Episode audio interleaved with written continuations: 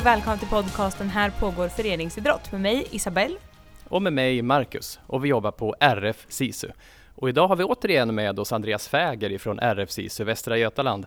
Välkommen eh, åter Andreas! Tackar, tackar! Hur är läget? Eh, det är bra här. Med er också hoppas jag. Ja, allt fint här. Och jag vet ju att eh, i veckans avsnitt så har du träffat en av Isabells stora barndomsidoler. Vem är det du har träffat? Ja, det var ju kul att eh, det var en barndomsidol man hade möjligheten att träffa här, men det är Anders Svensson. Ja, och det är jag såklart lite bedrövad över att jag inte fick vara med på det avsnittet och träffa honom. För de som mot förmodan inte har koll på vem Anders Svensson är, hur skulle du då Isabelle, som det här var en stor idol, det kanske är en stor idol till dig, hur skulle du beskriva Anders? Ja, självklart. Han är ju den bästa fotbollsspelaren vi har haft i ett svenskt eh, herrlandslag. Det måste man ju säga, det får ju alla hålla med om hoppas jag. Eh, han är ju den som har gjort mest landskamper i svenska herrlandslaget i fotboll. Och eh, han var mittfältare i alla fall på den tiden som jag fick upp ögonen för honom och det var jag också då. Och han har en otroligt bra spelförståelse. Och det är ju någonting som jag har förstått att ni pratar om i det här avsnittet Andreas. Eh, ja, det stämmer. Det var ju spelförståelse som var temat eh, och och eh, han utvecklade ju det lite både med stora och små penseldrag. Både om hur han har jobbat som liten men också hur hur det var på yppersta elitnivån att jobba. Och just det här ämnet spelförståelse eh, är ju kanske lite nischat. Hur skulle du beskriva ordet spelförståelse, Andreas? Ja, men det är som du säger, det är, det är ganska stort begrepp och det, någonstans kanske man får sätta in det i ett sammanhang att eh, det är någon form av förståelse för spelet och för andra idrotter kanske är, är det förståelse för aktiviteten på något sätt. Att Eh, även individuella idrotter har ju säkert spelförståelse fast man inte benämner det så. Eh, och det är Anders inne på det, att det är ett väldigt stort begrepp men eh, jag tror att när man lyssnar så, så förstår man ungefär eh, de delarna som man behöver ha med sig. Vi tar och lyssnar till vad Anders har att berätta eller prata om när det gäller spelförståelse.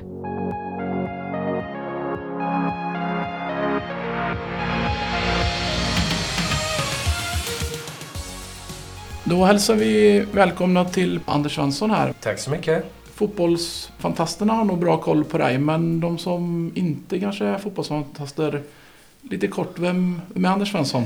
Ja, vem är jag? Jag är en före detta fotbollsspelare som eh, är eh, snart 44 år gammal och eh, har spelat fotboll egentligen hela mitt liv. Började väl i 4-5 års åldern i Gulderen i Göteborg. Spelade där i några år och gick vidare till Hästrafors strax utanför Bollebygd innan jag hamnade i Elfsborg. Och sen spelade jag där i nio år och sen spelade jag i Southampton i Premier League i fyra år. Tillbaka till Elfsborg i, i 10-11 år till. Och eh, sen har jag spelat 14 år med svenska A-landslaget och har faktiskt eh, rekordet för herrarna med flest landskamper på 148 stycken. Så att, eh, ganska, ganska lång och, eh, karriär. Apropå det, som ung, tänkte du att eh, jag kommer nog göra mest landskamper om x antal år? Nej, jag hade verkligen inte de tankarna. Sen hade man ju alltid när man var ute och spelade på gården med kompisar och sånt där att man skulle spela VM-final och eh, naturligtvis då med Sverige såklart. Men eh, det var väl en avlägsen dröm på den tiden. Så att eh, nu när man har slutat spela så är det väl någonting som jag är enormt stolt över och fått representera Sverige så många gånger och fått uppleva så många fina stora matcher och äventyr. Så att, eh, men det var ju ingenting jag hade trott jag var liten, även om drömmarna fanns där. Det har blivit några VM och EM, hur många? Eh, två, två VM och tre EM tror jag det är. Blir jag osäker, men jag tror det är tre EM. Ja. Och ett riktigt snyggt mål um, som de flesta kommer ihåg. Ja, det blev mitt första mästerskap. Fick jag ju... Jag toppade direkt och sen gick det ut för. Nej, jag gjorde ju mål mot Argentina i VM 2002. Eh, vilket blev ett väldigt viktigt mål i och med att vi fick oavgjort i den sista matchen på grund av det och eh, gick vidare. Så det, det är klart, det är väl det som folk minns mig mest för egentligen. Det, att göra mål i, i VM som är den absolut största scenen, det är ju otroligt häftigt. det är en enorm resa inom fotbollen men som ung eh, höll du på med andra idrotter också? Jag höll på med lite olika idrotter. I, när jag var med i föreningar så var det ju handboll, eh, innebandy. Jag tror även bordtennis eh, faktiskt att jag provade lite och spelade med någon klubb. Men eh, ehm, mest var det ju fotboll och sen var det väldigt mycket olika idrotter runt omkring där jag växte upp. Vi gjorde ju egna olympiader och vi hade höjdhoppstävlingar. Och, så att man provade på allt möjligt men just i föreningar så är det de idrotterna som jag nämnde. Då. Men om vi går tillbaka lite grann som vi kommer att ha som tema här i podden. att När man pratar med många och man upplevt eh, dig på fotbollsplan så är alla överens om att du kanske är en av de absolut eh, största spelarna rent när det gäller spelförståelse. Eh, hur har du, hur har du liksom tränat och hur har du blivit så pass bra på det som du var liten?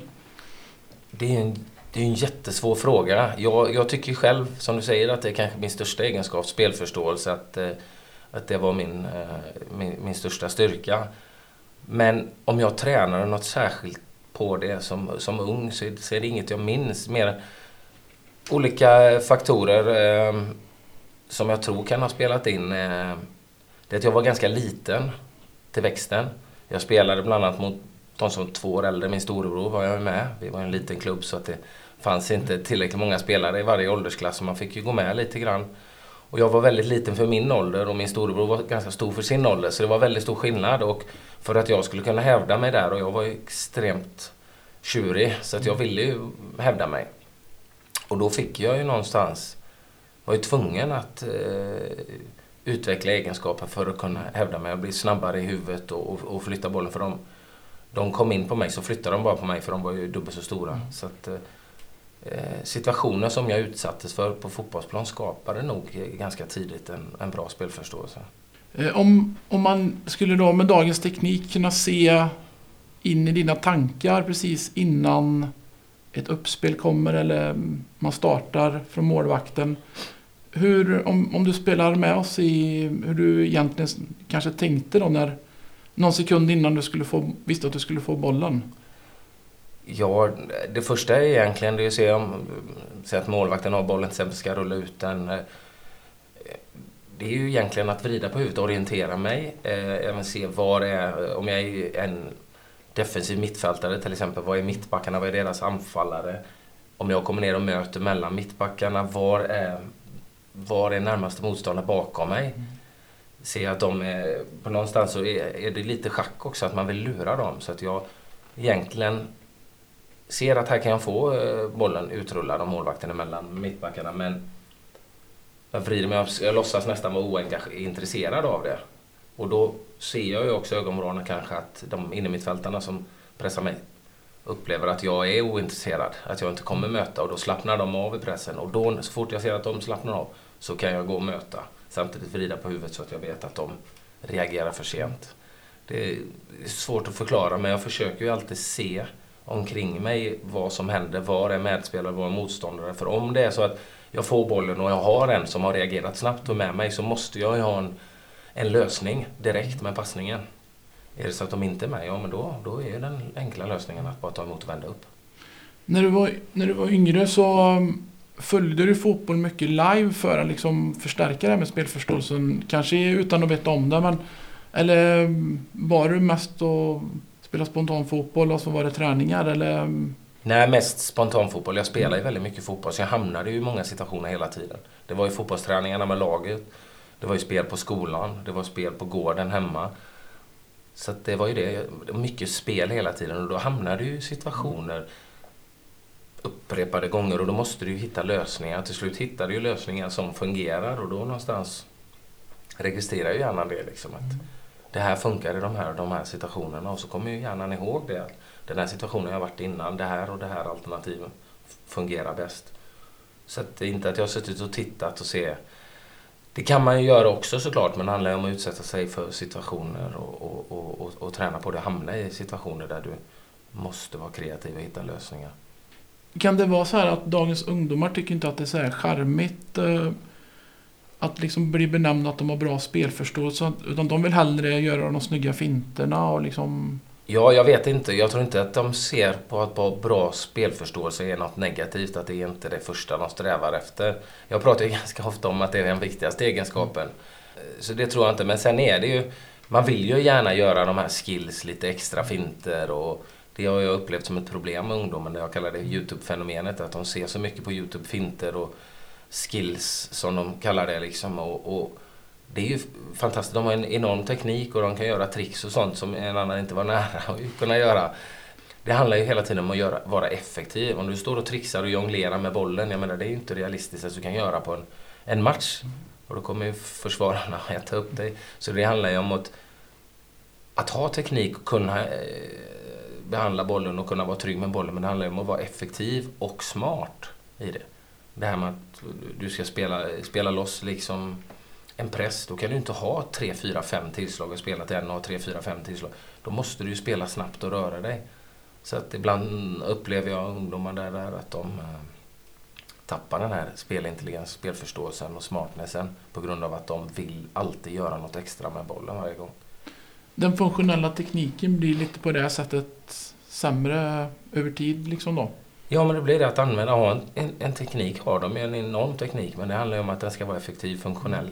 Kan de som schack spela sig loss liksom och öppna upp för en medspelare eller öppna upp en yta för laget. Det, det är det jag hellre ville se. Liksom. Sen är det ju ingen nackdel att de har en jättebra teknik och att de kan göra finter och överraska. Men det gäller att använda den vid rätt tillfälle. Det är bara att titta på Messi. Du ser sällan honom göra några showboating-finter, liksom att han ska spexa. Han är effektiv, han gör kroppsfinter och han tar sig förbi motståndarna och därför är han ju världens bästa spelare.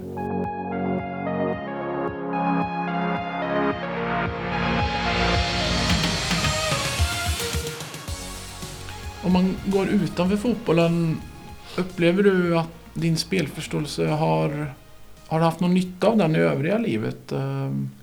Oj, är svårt. Jag vet inte. Det är möjligt. Jag, jag har ju just det här med att orientera sig alltid på plan. Eh, att vrida på huvudet. Jag, det kanske i och för sig kan vara en belastning för när jag sitter och pratar med folk så jag, jag, jag har det i, i mig att jag sitter liksom vrider på huvudet med ögonen och sådär så jag ser ofta vad som händer runt omkring mig. Eh, vilket kanske folk kan uppfatta som att han vill inte sitta och lyssna. Så det är kanske är en nackdel. Men, så jag ser ofta saker. Och i och med att man har varit en känd person, folk folk eh, känner igen en när man går på stan och sånt där och det kanske viskas. Jag ser ju nästan allt sånt om folk. Om, de, de, de pratar de om mig och sådär. Men jag vet inte om det är att jag har haft användning för det men jag, jag har ju det fortfarande i huvudet att jag, jag vrider och ser. Det är ett komplext område, spelförståelse, men någon form av förståelse för spelet eller om det nu är trafikförståelse så är det ju förståelse för trafiken då. Men upplever du att är du sån när du eventuellt spelar innebandy och spelar hockey och testat lite så här? Har du den spelförståelsen och orienteringsblicken även då eller går du på annan känsla då? Nej, det är nog det som är min, min styrka även i andra, andra sporter. Som sagt, jag har inte spelat tennis som ung, men när jag har spelat Sen jag slutade spela fotboll för fyra år sedan så började, började jag spela tennis efter en stund och började gå med i någon träningsgrupp där och så. Då var det en tränare som sa för jag hade ju inga grundslag, jag hade ingen sån teknik, jag hade aldrig spelat innan. Utan jag, spelade, jag, hade, jag har ju mycket bollkänsla så jag får ju över bollen. Mm. Och det jag gör är ju att försöka se vad motståndarna är och lägga den på ett ställe där de inte förväntar sig att jag ska lägga den. Och jag försöker också läsa av vad de ska, vad de ska, det är troligt att de kommer spela bollen. Och jag vet att många som hade spelat mycket tennis tyckte det var svårt att spela mot mig för det, att du spelar inte som du ska spela tennis. Eh, men det var någon tränare som sa det till mig när jag tog någon lektion att han tyckte att jag hade väldigt bra spelförståelse som tennisspelare. Och då antar jag att ja, men det var ju min styrka som fotbollsspelare så det kanske är naturligt att det är det. För jag, det är inte så att jag har några bra grundslag och någon bra grundteknik eh, i, i tennis.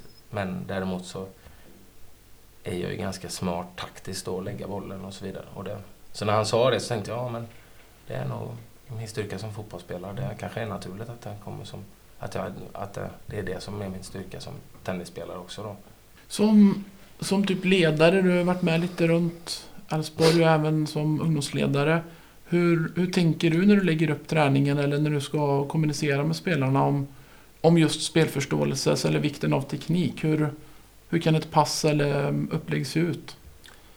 Och, eh, jag har ju inte sån enorm erfarenhet av att lägga upp träningar och vara, vara tränare på det sättet. Däremot så när jag har varit med i träningar så är det, du kan ha olika övningar, kan vara passningsövningar, kan vara spelövningar, så uppstår ju situationer.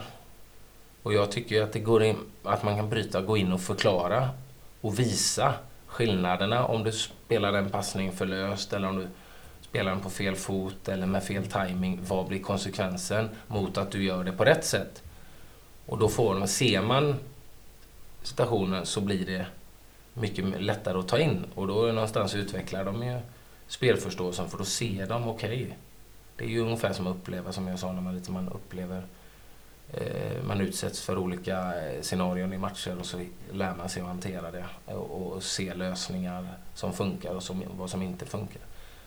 Så det, det försöker jag väl påpeka där, vad, vad, konsekvensen blir av att du slår den här passningen alldeles för hårt. Vad hade hänt om du hade slått den lite lösare? Jo, det hade blivit mycket lättare för din medspelare att leverera den avgörande passningen. Så, sen är smågrejer svårt att förklara men jag, jag försöker att få dem att förstå genom att kanske bryta och visa. Mm.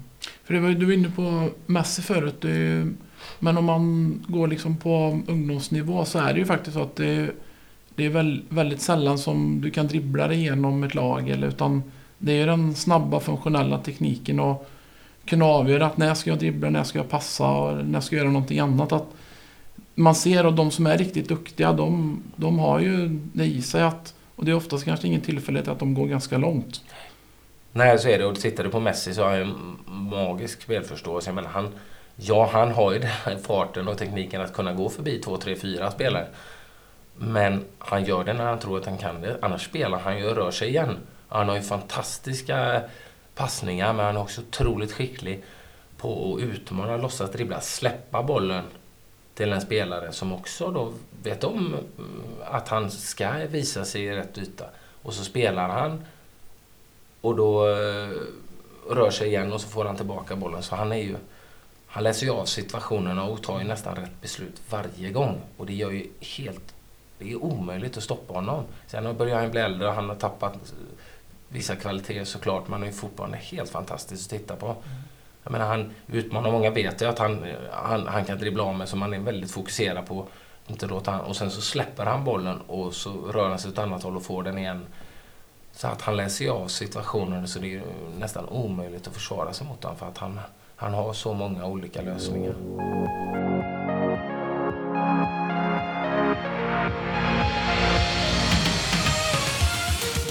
Lite avslutning här. Ehm, tre medskick till ledare, spelare för att tre sådana här viktiga nyckelord som man verkligen ska tänka på för att få ännu bättre spelförståelse. Det är oavsett idrott då givetvis. Det är svårt att ta fram tre, tre ord men mycket spel. För det är där man lär sig. Så man hamnar i många situationer. Därför tycker jag mycket spel och eh, sen inte vara rädd och, och, och, visa om man själv har den kunskapen att se varför någonting inte gick bra och vad det är man skulle gjort istället för att gjort det bra. Så att, man, att, man, att visa de här istället för att tala, bara berätta du skulle gjort så och så. Mm. Kan du visa, framförallt för barn tror jag, så är det mycket lättare att ta, sig in, ta in om man ser det. Eh, annars för barn, eh, som jag spelar med barnidrott, så tycker jag det ska inte vara för mycket regler och måsten utan de ska, och inte för att man står och skriker hela tiden vad de ska göra. För det ser du många ungdomsledare. Står och ropar hela tiden vad de spelarna ska göra så fort de har fått bollen. De ska passa dit, de ska springa dit. Vilket gör att de får inte hitta, upptäcka lösningar själv. Varför slog du passningen dit? Det var en genialisk passning, men varför slog du den dit? Tränaren skrek ju till mig. Och då är det inte speciellt utvecklande för han har gjort det för att tränaren har sett något och skrikit. Då har ju inte han själv sett det, då har han inte fått utveckla. Det, det, det, låt barnen upptäcka saker, ungdomarna upptäcka saker själva men ge feedback när det går att ge feedback och visa gärna i, eh, i träningar eh, om, om man gör en passningsövning och det inte funkar. Hur, hur skulle det sett ut om, vi, om du slog passningen så här istället? Mm. För då är det lättare att ta in. Men sen när det är väl mycket spel, för det är där du, det är där du kan utveckla egenskaper. För där hamnar du i scenarier hela tiden. Så, och inte för mycket stå och skrika och styra liksom, för då, då hämmar du kreativiteten hos barnen och ungdomarna. Om vi går utanför eh, det sista här, spelförståelsen. ehm, Hur, ehm, något allmänt medskick till idrotten i stort för att kunna vara den viktiga rörelse som, som det är och har varit? Nej, men för mig är det ju liksom att uh, glädje är det absolut viktigaste. Se till att man har roligt, roligt ihop och att det inte återkommer alltid liksom till barnen. Som jag vet ju att vi, barn, många barn sitter still mycket mer nu än man gjorde förr. Och ja, vi jobbar ju, där jag är med i fotbollen, med otroligt mycket glädje och lyssna på barnen. Vad vill de göra och vad tycker de är roligt? För Tycker man det är roligt så fortsätter man och kommer tillbaka och fortsätter aktivera sig och det är det som det är det jag tycker är roligt när barn vill vara aktiva och röra sig. Så att, eh, glädje och lyhördhet liksom att man lyssnar på vad, vad barnen tycker är roligt, vad de vill göra. Eh, det är väl eh, det viktigaste jag tar med mig men, men det blir ju mycket att jag tänker på min, min roll som ungdomsledare i fotbollen. Och så, så är det väl mest det. Jag försöker vara lyhörd och lyssna och se, se och höra vad barnen tycker är roligt och vad de vill göra. Och, så att det glädje för mig är det alltid, jag menar, tycker något är roligt så vill du göra det oftare. Så glädjen för mig är det är otroligt, det är absolut viktigast av alla. Att jag vill att barnen och ungdomarna ska, ska tycka det är roligt och aktivt.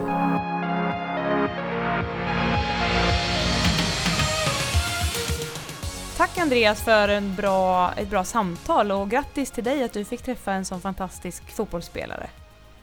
Ja, tack så mycket. eh, vad är dina första spontana reflektioner från ert samtal? Ah, Anders är ju väldigt lättpratad och uh, bjuder på sig själv. Uh, har uh, på något sätt en, en, en positiv ingång till både barn och ungdomsverksamhet och att är ödmjuk inför uppgiften att han har varit så bra själv och berättar ingående lite grann vad, vad som har gjort att han har kunnat bli så pass bra. Där då spel, eller spelförståelsen har varit en av de viktigaste nycklarna då.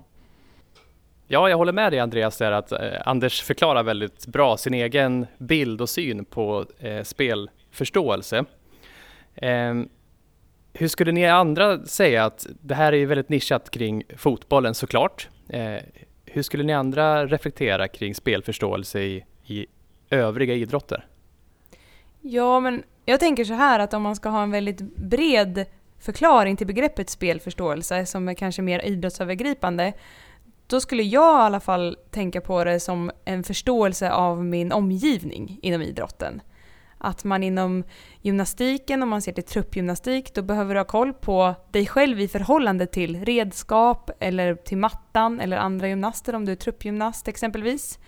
Eh, och att det inte bara handlar om tekniska delar utan det handlar om helheten av mitt idrottsutövande. Man har en uppfattning om vad som händer runt omkring en och eh, såklart inom lagidrott så blir det tydligt i förhållande till sina medspelare och motspelare, tycker jag. Ja men så är det nog. Det, spelförståelsen är nog mer tydlig när det gäller eh, lagidrotter där man har mycket människor runt sig. Och har man då en individuell idrott där man kanske är väldigt mycket ensam under en viss tid så kanske spelförståelsen eh, självklart och ser helt annorlunda ut men den finns fortfarande på något sätt i alla idrotter. Ja, och en annan sak som eh, Anders är inne på som jag reflekterade kring är det han kallar för Youtube-fenomenet. Att många av dagens barn och unga är väldigt mycket, spenderar mycket tid på nätet och bland annat då på Youtube där man tittar på olika klipp. Och han är ju inne på att det är där man, man har allting så tillgängligt idag så att det är där man då snappar upp eh, häftiga finter eller eh, snygga mål eller räddningar och sådär. Och det här är ju en sak som kanske ledare i alla idrotter kan tänka på att i och med att sina utövare är så mycket på internet och Youtube specifikt kanske så kan man själv vara lite selektiv med att leta, eh, leta videor som man tycker kan utveckla sina utövare. Att som som ledare försöka sprida dem i, i sitt lag eller sin träningsgrupp att kolla på det här, de här momenten eller den här tekniken eller de här delarna av spelet eller idrotten eh, för att få en förståelse för även andra saker och inte bara de här häftiga eh, finterna inom fotboll som Anders är inne på. Nej, men jag, det tror jag han, han var inne på det lite att eh, just eh, när eh, det, det, ökar ju ett intresse för sin idrott och när, när eh, framförallt barn och ungdomar kan gå in och kolla på, på moment eller övningar eller finter eller vad det nu är som de jobbar med. Det, det någonstans ökar är ju deras eget inre driv för att kunna bli bättre. Eh, sen som du var inne på med ledare, tränare så, så får de nog, man kanske kan eh, välja ut veckans eh, övning och att de ska kolla på den och, och, och, där kan det då ingå det som är specifikt för den idrotten på något sätt. Ja, precis. Jag håller med där att eh, man kanske kan dra nytta av att de faktiskt är inne och intresserade och tittar på olika saker och på något enkelt sätt sätta sig in själv i vilka klipp finns som jag kan tycka att de ska titta på. För det finns ju jättemycket och det är ju bara roligt att intresset också, eh, som du säger, att det finns en inre drivkraft hos aktiva. Och det gäller ju också alla idrotter och alla sporter. Att vad finns det för klipp som hör till min idrott och hur kan jag dra nytta av dem och be mina aktiva att gå in och titta på det jag vill att de ska ta med sig och lära sig. Och, så det tror jag absolut kan vara en stor vinst. Och vi hoppas nu att eh, vi tillsammans med Anders Svensson har eh, lyft spelförståelse och vikten av, som du säger Isabelle, uppfattningen om sin omgivning oavsett vilken idrott man håller på med. Eh, ska vi försöka oss på en eh, sammanfattning här av Anders tre eh, nycklar till det här? Ja, han var, in, var inne på um, att det skulle vara mycket spel i olika former. Också visa då som ledare eller instruktör hur, um, hur man ska göra om det är så att man tycker att någon eh, inte riktigt gör rätt eller att man behöver justera saker. Att man verkligen visar det och inte bara berättar att, eh, att det var fel eller så. Utan eh, det är viktigt att man får med sig det, framförallt för barn och ungdomar. Eh, och sen så mindre instruktioner från ledare, och tränare eh, och att eh, spelarna själva då, i lagidrotterna får testa sig fram och, och göra lite misstag för att kunna dra lärdom av det. Ja, precis. Det är ju en stor del av lärandet att man får testa, reflektera, utvärdera, misslyckas i vissa fall och testa igen. Eh, och har jag någon som hela tiden matar mig med rätt, eh, rätt val eh, i mina, där jag har att välja på, då behöver jag ju inte ta de här besluten själv, eller jag behöver inte komma på lösningen, utan det kommer ju vara någon som servar mig med den. Eh, så det tycker jag var en bra sammanfattning av de tre tipsen som Anders gav i slutet av samtalet. Ja, det känns som att Anders är inne på det vi jobbar rätt mycket med, den här självbestämmande teorin för att skapa en inre motivation till att göra saker. Att just att ha en känsla av att man får uppfinna och vara nyfiken och testa sig fram istället för att hela tiden, som du säger Isabelle, få saker serverat på fat är en jättestor nyckel till att få människor i sin omgivning eh, motiverade till att, att vilja göra mer. Ja, precis. Och med de orden så tackar vi dig Andreas och tackar Anders Svensson för att han ville vara med såklart. Eh, och hoppas att vi har gjort lite konstruktivt av alla de bra tipsen och eh, exemplen som ni har pratat om.